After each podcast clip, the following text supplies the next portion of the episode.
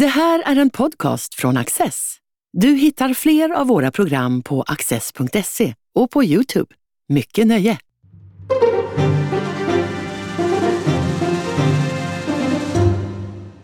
Välkomna till Studio Access. Och välkommen Fredrik Kärrholm som är min gäst idag. Fredrik, du eh, satt i motsvarande stol för två och ett halvt år sedan ungefär. Eh, då var du polis aktiv, i aktiv tjänst. Du hade just kommit ut med en bok som heter Gangstervåld. Man kan väl säga att det är ett tema som inte har eh, försvunnit på den här tiden sedan vi sågs eh, sist.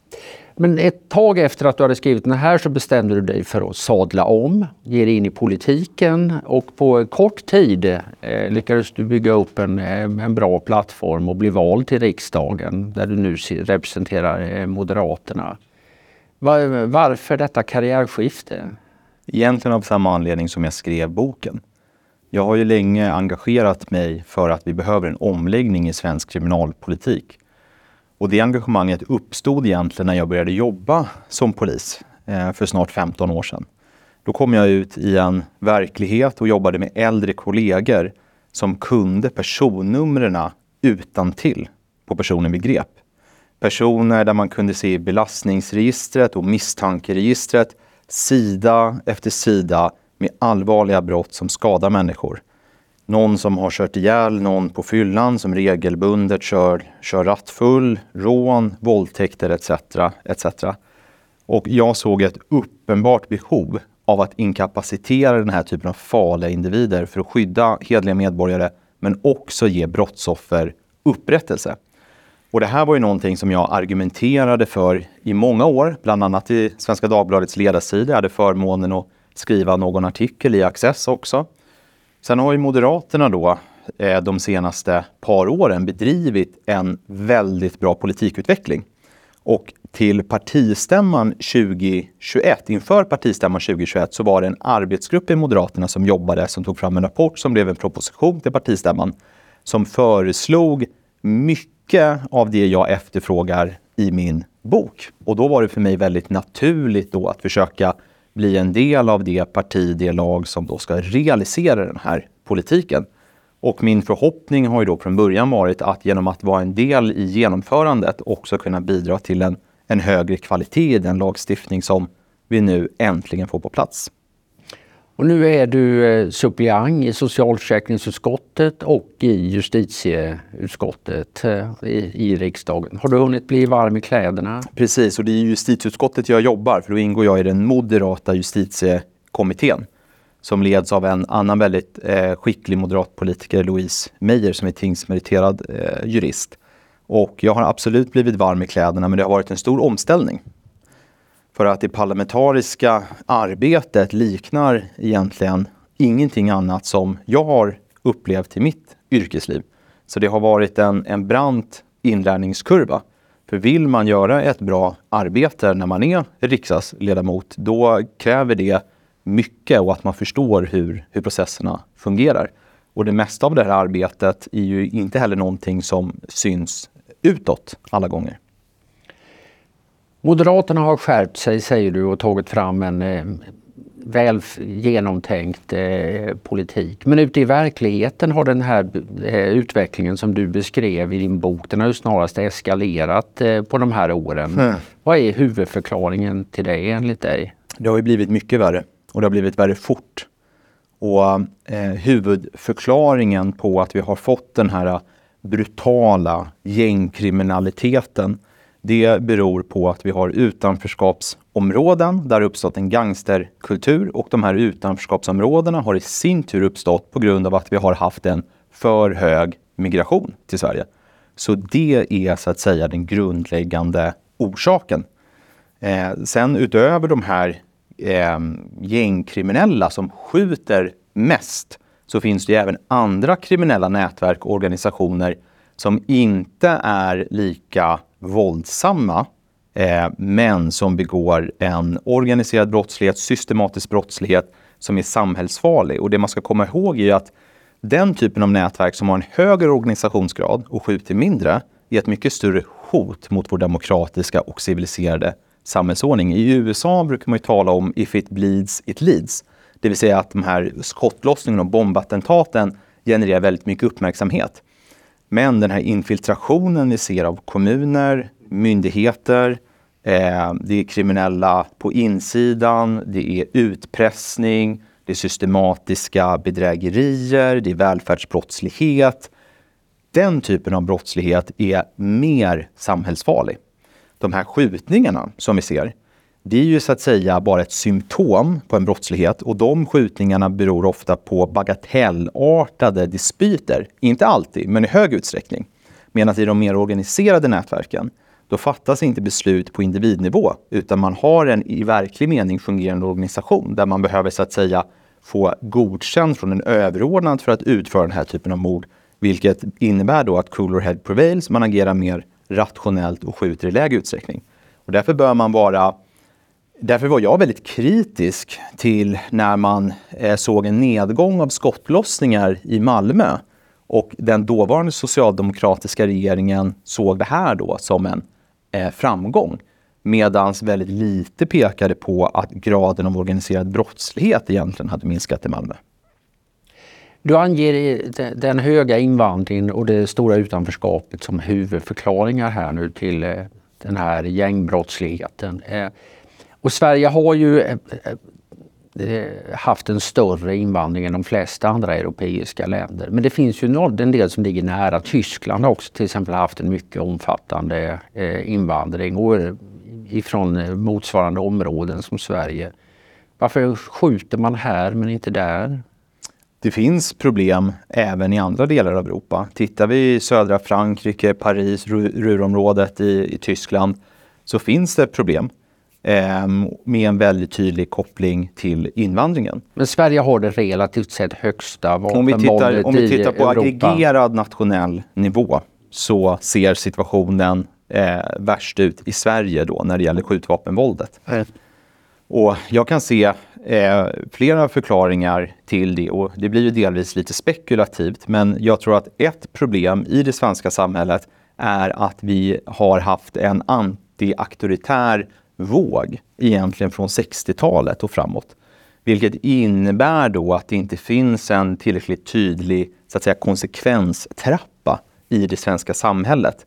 Utan man är väldigt tillåtande och tolerant på ett dumsnällt sätt. Det handlar om skolan, det handlar om det offentliga rummet och i hög utsträckning även eh, föräldrar. Och det här innebär då att man inte är tillräckligt tidigt skede motverkar ett normbrytande beteende.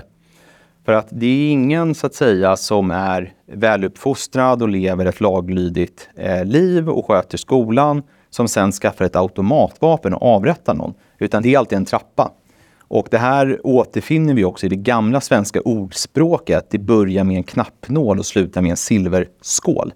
Eh, och i alldeles för hög utsträckning i Sverige så reagerar vi i ett för sent skede. Eh, min bild är att i till exempel Tyskland så är skolan präglad av mycket mer ordning och reda. Eh, det finns fler sunda auktoriteter i samhället. Vuxna i det offentliga rummet tillrättavisar unga personer i hög utsträckning. Och det här tror jag har en viktig förebyggande effekt för att motverka den här typen av väldigt osund gangsterkultur vi har i Sverige. Vi har i någon bemärkelse en form av flugornas herre i urban miljö. Men om problemet är att det har skett en sorts auktoritetsflykt, en ovilja att, att uh, utöva auktoritet eftersom man kanske har varit rädd att uppfattas som auktoritär mm. eh, i, i och med detta. Och det har pågått sedan 60-talet. Då handlar det om ett mindset mm. i Sverige som har påverkats under 50 års tid. Mm. Vad finns det för hopp om att ändra det tillbaka? För det verkar ju vara den verkliga förutsättningen för att bli framgångsrik. Jag tycker att det absolut finns gott hopp. Ehm, för att det som brister i Sverige är ju det man brukar kalla en socialisationsprocess. Det vill säga att barn och unga som växer upp bibringas sunda värderingar, utvecklar en sund moral. Ehm, det är avsaknaden av det som i stor utsträckning förklarar den här typen av gängbildningar. Häromveckan så kom då en eh, ny rapport från Brottsförebyggande rådet där man tittar då på socioekonomisk bakgrunds betydelse för brottslighet. Och i, eh, det, i BRÅ-rapporten så konstateras det att socioekonomisk bakgrund och brottslighet att det är ett ganska svagt samband. Det man istället lyfter fram som viktiga förklaringar är då hur väl det går i skolan, föräldrarnas uppfostringskompetens, umgänge med brottsliga kamrater. Och på individnivå så handlar det, utöver då förmåga till självkontroll, just om individens egna värderingar. Och eh, jag är positiv så till motto att jag tror eh, att det svenska samhället kan så att säga gemensamt mobilisera i alla delar, i idrottsföreningar, i skola, i föräldragemenskaper. Och se till att i högre utsträckning betona vilka värderingar gäller, att upprätthålla och stärka normer som är fortfarande så att säga, grundfundamentet i vårt samhälle. Ser du några tecken på att det håller på att hända? Jag tror det och jag tror bara den diskussionen vi har här nu. Mm. Jag tror Brottsförebyggande rådets rapport är ett tecken i tiden. Att det skapas en större medvetenhet om detta. Jag ser inte att lösningen på det här kulturproblemet är någon form av lagstiftning, utan jag tror det handlar om ett, en medvetenhet och ett ansvarstagande i hela samhället från enskilda individer, från föräldrar, från rektorer, lärare, idrottstränare och så vidare. Och jag upplever absolut att det har skapats en, en ökad förståelse för att det finns en form av värderingsproblem Tidigare så tror jag att fler var lite nonchalanta kring det, inte reagerade tillräckligt skarpt på prokriminella attityder. Men i takt med att de här problemen har blivit mer allvarliga så tror och hoppas jag att fler förstår allvaret och att det kommer en motreaktion. Och det svenska samhället är också präglat av en stark konsensuskultur och det är både en svaghet och en styrka.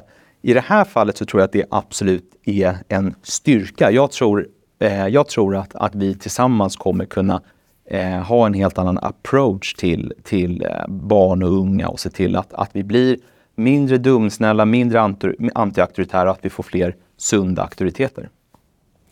Jag tänker att det är inte länge sedan, ja kanske till och med eh, inte längre sedan när du skrev den här boken, att den som till exempel klar, eh, sa att det kanske inte är helt oproblematiskt med den här våldsförhärligande och, och brottsförhärligande mm. inslag som gangsterrap och sådana saker. En sån person eh, skrattades det lite åt och, mm. och kunde beskrivas som en rätt trist moralist som inte förstår att konst och verklighet är två olika saker. Men du menar att det har ändrats på de här åren? Ja, gradvis tycker jag att det, det har gjort det. Det är min upplevelse. Eh, och på samma sätt så har det också kommit gradvis en, en större och bredare förståelse för behovet att använda straffverktyget.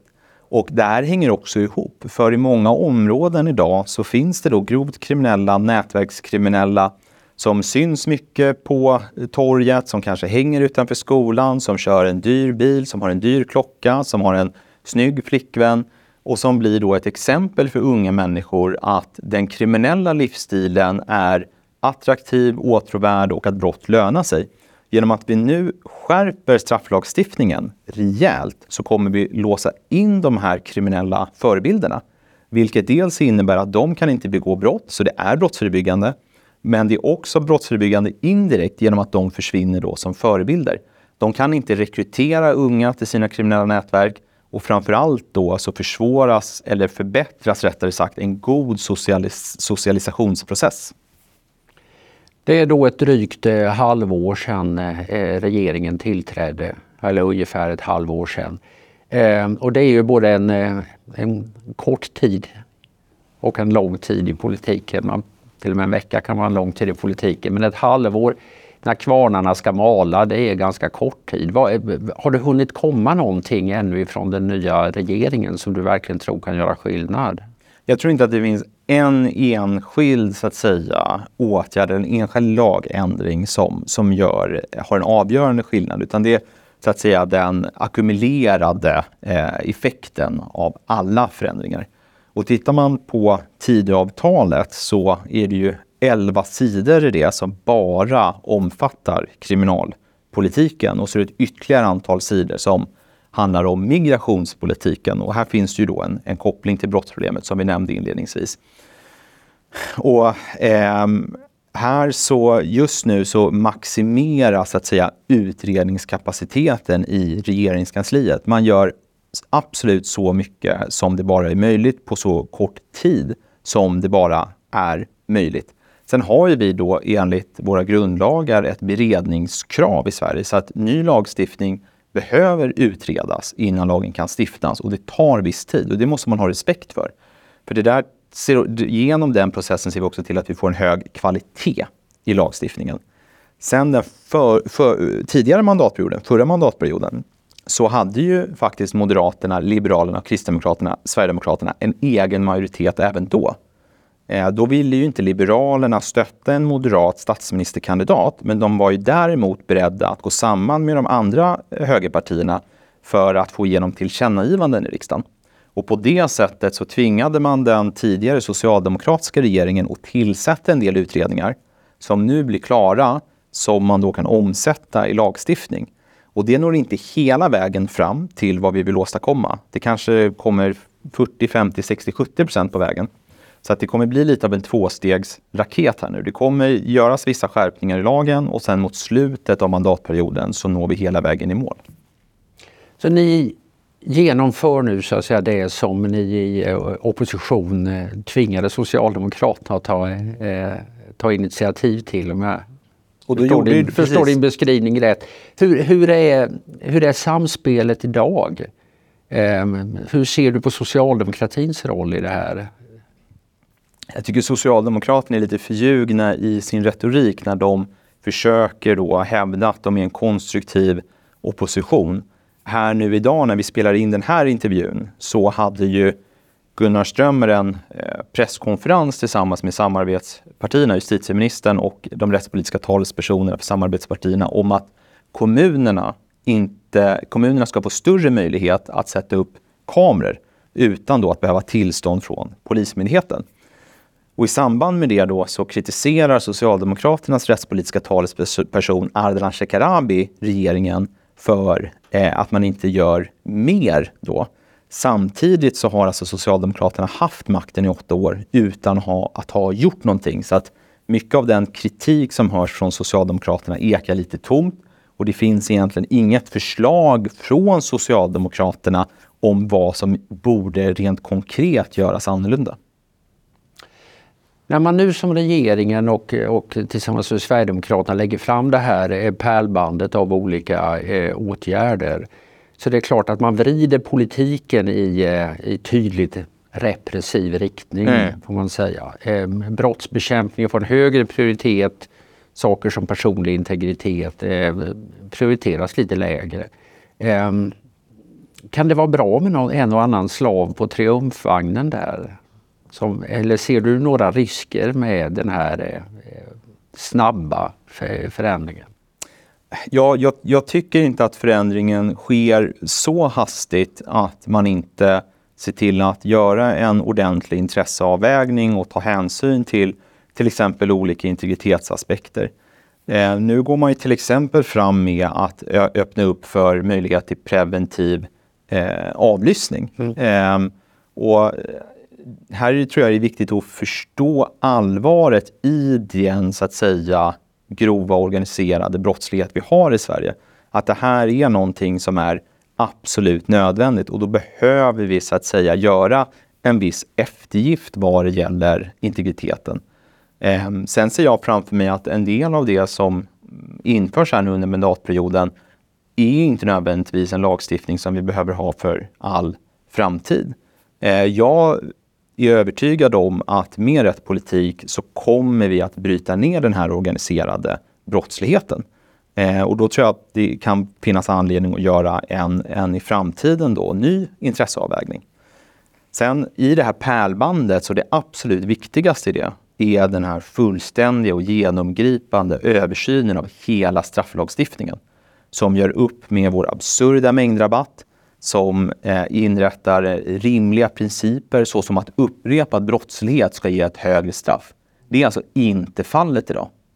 Eh, och när man ser över alla de här billighetsskälen och inför nya straffskärpningsgrunder, till exempel dubbla straff för, för gängkriminella, så kommer det här innebära en väldigt stor förändring i straffmätningen. Och jag är inte helt övertygad om att alla faktiskt har förstått vilken stor förändring det här innebär. Det kan teoretiskt sett innebära att personer som döms till två, tre års fängelse idag kan få upp mot 8-10 års fängelse. Eller personer som kanske dömts till sex års fängelse. Mm. Och vi har en huvudregel idag att du slipper ut efter två tredjedelar av straffet. Den ska också bort. Att personer som då i praktiken sitter i fyra år kanske får straff närmare 20 år. Så att det här kommer innebära en enorm förändring så som jag tolkar mm. Tidöavtalet. Nu ska alltså, man inte gå händelserna i förväg. Nej, jag tänkte just säga det, för det här, här har vi inte ens direktiven till utredningen kommit nej. ännu. Utan det, det, här ligger några år fram i tiden. Det här ligger några år fram och direktiven kommer här nu i dagarna. Eh, men om man tittar på det man har kommit överens om eh, att utreda i tidavtalet. Till exempel då så har vi en väldigt generös straffrabatt. Så att om du vid samma tillfälle döms för flera brott så är det bara det grövsta brottet där det är fullt straffvärde. Sen är det en, en, en kraftig rabatt. Tanken är att de tre grövsta brotten ska medföra fullt straffvärde och först därefter så blir det en nedtrappning. Och de här förändringarna som kommer göras sammantaget kommer innebära eh, en stor effekt. Och det här är väldigt betydelsefullt. Vi kan ta ett konkret exempel. Den här tioåriga flickan som bara för ett par veckor sedan knivhöggs i Göteborg. Den misstänkta gärningsmannen var lagförd 52 gånger och hade cirka ett år innan det här dådet hände dömts för ett nytt brott, men inte till fängelse. Vi har ungefär 8000 personer i Sverige som är lagförda tio gånger eller mer. Så genom att vi kommer låsa in dem så kommer vi se en minskad brottslighet. Och många av de här är också nätverkskriminella. Vi ska komma ihåg att många av de som begår skottlossningar, nästan alla som begår skottlossningar, är tidigare dömda för brott.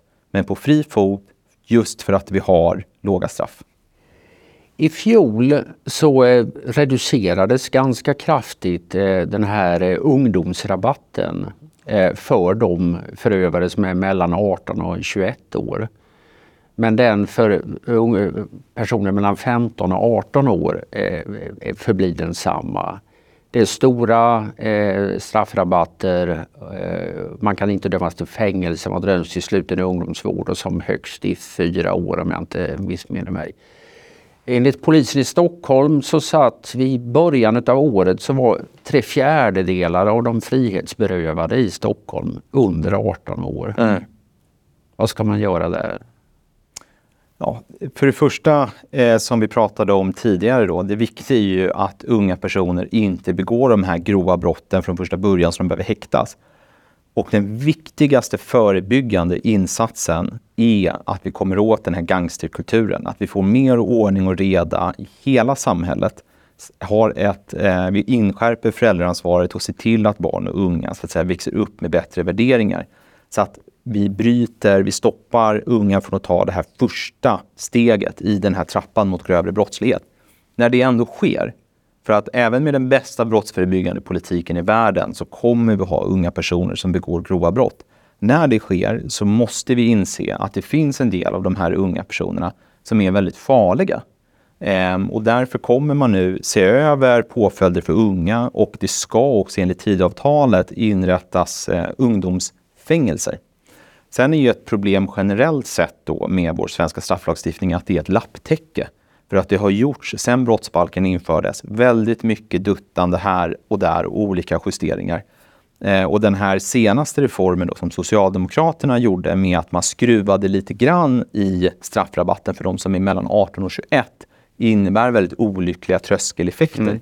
Så att det är betydelsefullt att ta ett samlat grepp kring eh, ungdomsrabatter. Sen eh, förra, mitten av förra decenniet så har polisen fått kraftigt ökade resurser. Eh, uppklaringsprocenten har inte ökat. Eh, gängskjutningarna har ökat däremot. Sprängningarna har eh, ökat. Varför beivrar inte polisen fler, fler brott och förhindrar fler brott? Det är en väldigt bra fråga och det vi kunde se nu under föregående år 2022 så redovisades färre ärenden till åklagaren. Ehm, och det man också ser i rättsväsendet här nu att i, i hög utsträckning de ärenden som redovisas är de mest grövsta brotten och sen är det småbrott som är väldigt lätta att utreda och redovisa. Så att det här mellanregistret har krympt rejält.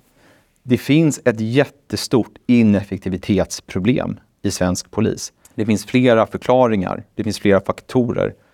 Men en förklaring är att det är en mindre krympande andel av hela polisorganisationen som faktiskt arbetar med att patrullera gatorna och utreda brott. Och en allt större andel som gör annat. I en artikel du skrev för en tid sedan så eh, säger du att eh, vid 80-talets mitt så var 70 procent av de polisanställda i patrullerande eller i yttre uniformerad tjänst och att idag är det 20 procent. Mm.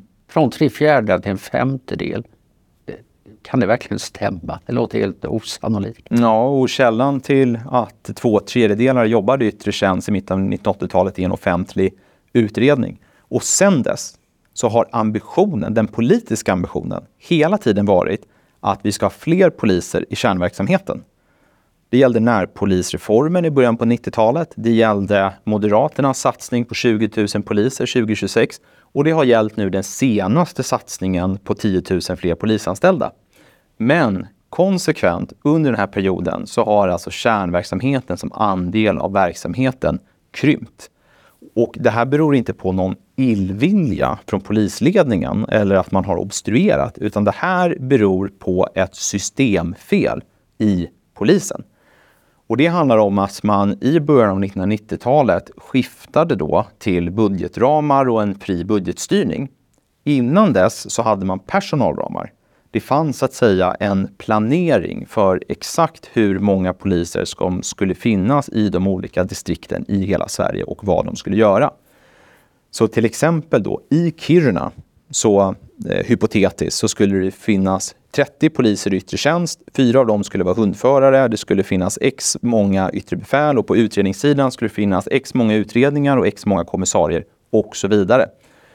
Och då fanns det en planering för hela polisen och skulle den planeringen ändras så var Rikspolisstyrelsen dessutom tvungen att få justitiedepartementets godkännande. Så skulle man tillsätta en ny befattning någonstans så var man tvungen att ta bort den någon annan. Man skiftade från det systemet eh, av delvis goda skäl, för att det är väldigt oflexibelt, mm. till ett system där alla eh, chefer får en pott med pengar och sen så får man anställa de man tycker man har behov av och så många man har råd med. Och det har inneburit att alla då polischefer som vill göra ett bra jobb har ju i sin grupp, eh, sin rotel, sin sektion, sin enhet försökt anställa så många som möjligt. Så att en chef för en underrättelsesektion har ju då rekryterat så många analytiker, så många underrättelsehandläggare som möjligt. Och det här har, den sammantagna effekten har inneburit att det finns fler stolar där man vill ha poliser än det finns poliser. Och eftersom varje enskild polis har ett personligt, individuellt då, eh, incitament att få högre lön, mer spännande arbetsuppgifter, högre status, bättre arbetsvillkor, finare titel, så söker man sig inåt och uppåt i organisationen. Men längst ut i verksamheten då, där stolarna blir tomma, där är man ju beroende av planekonomiska förutsättningar för man får bara ett visst antal mm. polisaspiranter som kommer från Polishögskolan. Så det här har inneburit under flera decennier så har man i den yttersta linjen i kärnverksamheten haft en brist på medarbetare för det har försvunnit fler medarbetare än det har tillkommit nya och man har varit tvungen att rationalisera och effektivisera. Men du säger att det här beror inte på illvilja och det är väl svårt att tro. Eh, men däremot har nu några ansvariga bara låtit detta hända. Ja, det, och här finns det, här finns det hända anledning att rikta kritik till de högst ansvariga i polisen som eh, under flera decennier då inte har reagerat. Så höga chefer har avlöst varandra utan att man har gjort en korrekt analys och åtgärdat problemet. Och även om åtgärden har varit beroende av politiska beslut så måste ju då Rikspolisstyrelsen eller Polismyndigheten hemställa till Justitiedepartementet om de ändringar som krävs. Och ytterst är polisen en myndighet under regeringen. Så det här faller ju också på regeringen som då inte har krävt tillräcklig leverans av sin myndighet. Ja, och det här är en viktig förändring som också har skett med maktskiftet att eh, man har skiftat då från en ganska socialdemokratisk loj inställning till vad Polismyndigheten faktiskt presterar till ett moderatlett justitiedepartement där man är mycket tydligare i kravställningen. Jag har också förmånen att ha blivit förordnad från regeringen att sitta i Polismyndighetens insynsråd. Mm. Det är ett nationellt råd som har en representation från alla politiska partier med uppdrag att utöva allmänhetens insyn och ge rikspolischefen råd. Och här har ju både vi i insynsrådet och justitiedepartementet ett viktigt uppdrag att ställa rätt frågor och ställa rätt krav på Polismyndigheten för att vi ska åstadkomma den förändring som är nödvändig. Och där tror jag att det behövs flera åtgärder. Men jag tror en viktig åtgärd är att man undersöker förutsättningarna att inrätta någon form av personalramar som liknar den typen av personaltablåer man hade på 80-talet för att stoppa den här ständiga rörelsen inåt och uppåt i organisationen. Polisen ska vara en pyramid där vi har en bred kärnverksamhet. Nu är det snarare en kvadrat och det är ett problem. Varför är det så svårt att rekrytera poliser? Det finns väldigt många sökande till polisutbildningen. Eh, men det är för få av dem som uppnår kraven. Eh, och de här kraven bör inte sänkas ytterligare utan snarare bör de kanske höjas. De har redan sänkts. De har sänkts. Ja. Eh, men antalet personer som söker till en högskoleutbildning var eh, vid senaste antagningstillfället då här nu till eh, vårterminen fler än någonsin. Och på många utbildningar så överutbildar man. Eh, Statistiska centralbyrån gör en prognos där man tittar på hur många utbildas inom olika yrken och vad bedömer man då är samhällsbehovet. Och då kan man till exempel se att det överutbildas jurister. Och det här är väldigt olyckligt. Om vi tar då, och det är flera utbildningar där det överutbildas.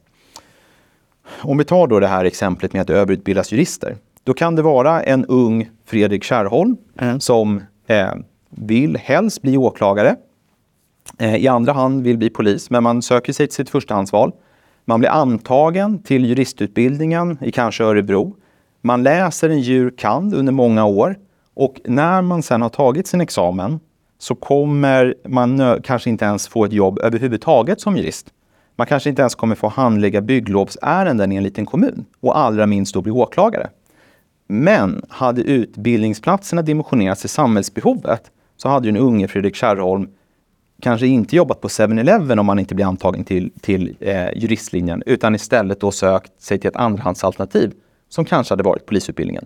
Så att här skulle jag gärna se att universitetskanslerämbetet fick ett starkare grepp kring lärosätenas dimensionering av utbildningar. Och det gäller inte juristutbildningar, det gäller alla utbildningar. Men det blir ju på ett sätt, eh, det är kanske inte alldeles orimligt, men det blir lite grann som att försöka tvinga människor att bli poliser. Eh, vore det inte bästa om det vore riktigt attraktivt att bli polis?